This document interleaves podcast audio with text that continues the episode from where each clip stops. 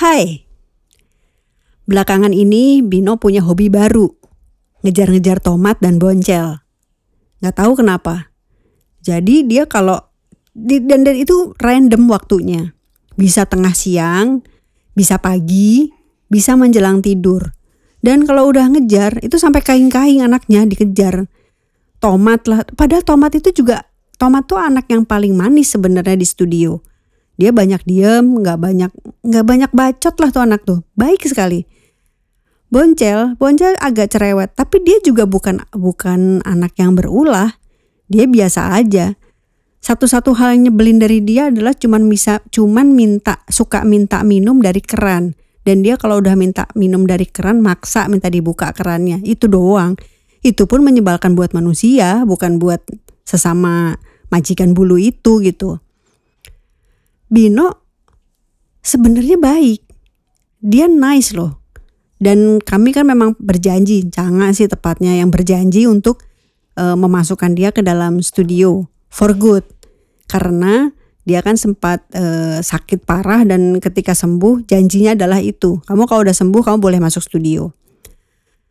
Dan anak itu juga tidak berulah. Ya bener-bener baru-baru ini aja. Baru-baru ini aja lah dia berulah dengan tahu-tahu ngejar-ngejar. Uh, Bino itu blasteran. Uh, bapaknya, uh, ibunya domestik Tomat, blasteran, ibunya domestik. Boncel, blasteran, bapaknya domestik. Tapi apakah itu sebabnya terjadi pertengkaran? Ya belum tentu. Enggak sebab juga karena ada bubu, bubu juga blasteran dan dia nggak pernah dikejar. Lalu ada si uh, ada si bulus, bulus blasteran, tapi yang nggak dikejar. Ya cuman itu dan tapi dua-dua itu cewek loh, tomat dan boncel. Tapi masa iya ngejar berdasarkan jenis kelamin? Ya nggak tahu ya. Uh, dan for your information, Bino itu sudah disteril dan biasanya anak disteril kan tidak agresif. Jadi sampai sekarang kami nggak tahu tuh sebabnya apa dan biasanya dia kalau udah mulai rese gitu kami keluarkan dulu dari studio.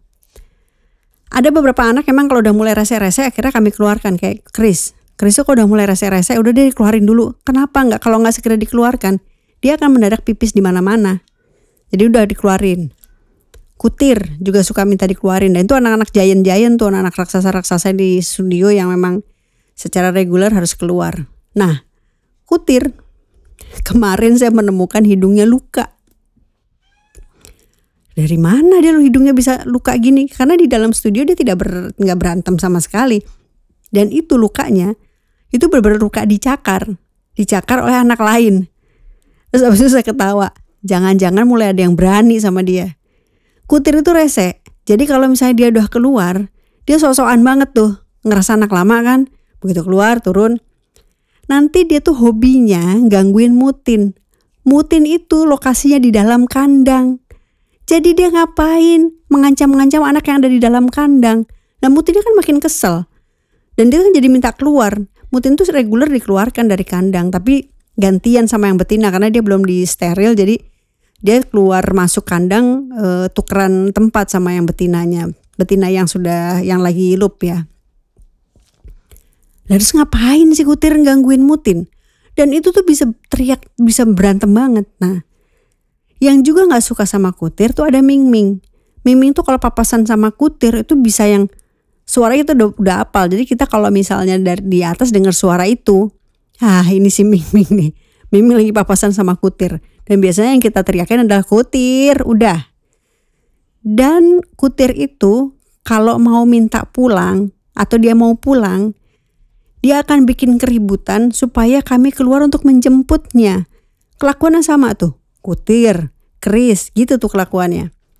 Mereka keluar, bikin keributan di bawah, ketika mereka mau pulang. Kalau mereka lagi pengen keluar sih mereka biasa-biasa aja. Santai. Kalau si kutir sih emang rese ya dia gangguin mutin dulu habis itu leyeh-leyeh. Nanti kalau dia udah mau pulang, ke naik ke atas, habis itu dia baru tuh bikin kehibu, bikin kehebohan, bikin keributan. Agar kami ada yang keluar, salah satu dari kami ada yang keluar, lalu memisahkan dan sepertinya itu kan menjemput jadinya. Ah, rese banget. Nah, dua anaknya tuh nggak ada yang berani di bawah karena emang badannya besar tampangnya sangar ya. Kalau kutir sih nggak sangar ya.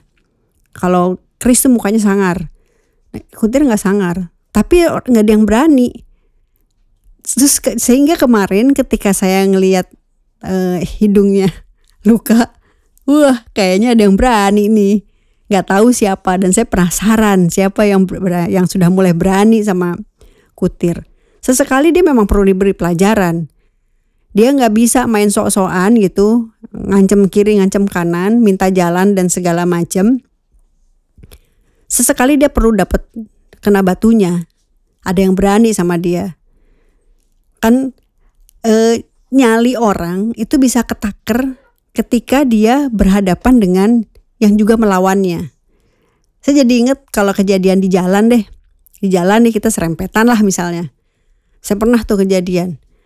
Serempetan sama orang misalnya dan kita nggak salah dia yang salah. Biasanya yang salah atau yang nyalinya ketaker sebenarnya dia akan cywar duluan. Dia akan teriak duluan marah-marah duluan. Orang yang nyalinya bagus malah lebih tenang. Dia akan ngeliat nih orang kenapa gitu dan orang yang bisa biasanya teriak-teriak itu ketika yang diteriakin itu diam aja dia akan mulai berpikir dan ketika dia yang diteriakin itu kemudian melawan tidak dengan teriakan, belum tentu dia nggak belum tentu dia akan meneruskan teriakannya. Yaitu sih hukum alam ya, hukum rimba tepatnya. Hukum rimbanya begitu. Yang makanya kenapa kok di rumah yang anak-anak yang penakut suaranya cenderung lebih kenceng dibandingin yang pemberani. Yang pemberani lebih tidak banyak cakap, lebih tenang, jadi sampai sekarang saya masih penasaran sih siapa yang berani sama kutir. Mau saya ajak salaman soalnya. ya sama kayak kita deh. Kita kan kalau um, buat mengukur kita bisa mengukur diri kita sendiri. Kita ini termasuk yang pemberani apa enggak? Pem, tidak bukan pemberani bukan berarti penakut, bukan pemberani bukan berarti pengecut. Kadang-kadang itu nggak berhubungan. Tapi menarik juga sih untuk ngeliat-ngeliat menaker-naker diri sendiri ya. Kita berada di level yang mana dalam level keberanian. Selalu ada hal besar di balik hal kecil atau hal kecil yang dibesar-besarkan. Sampai jumpa lagi ya. Bye.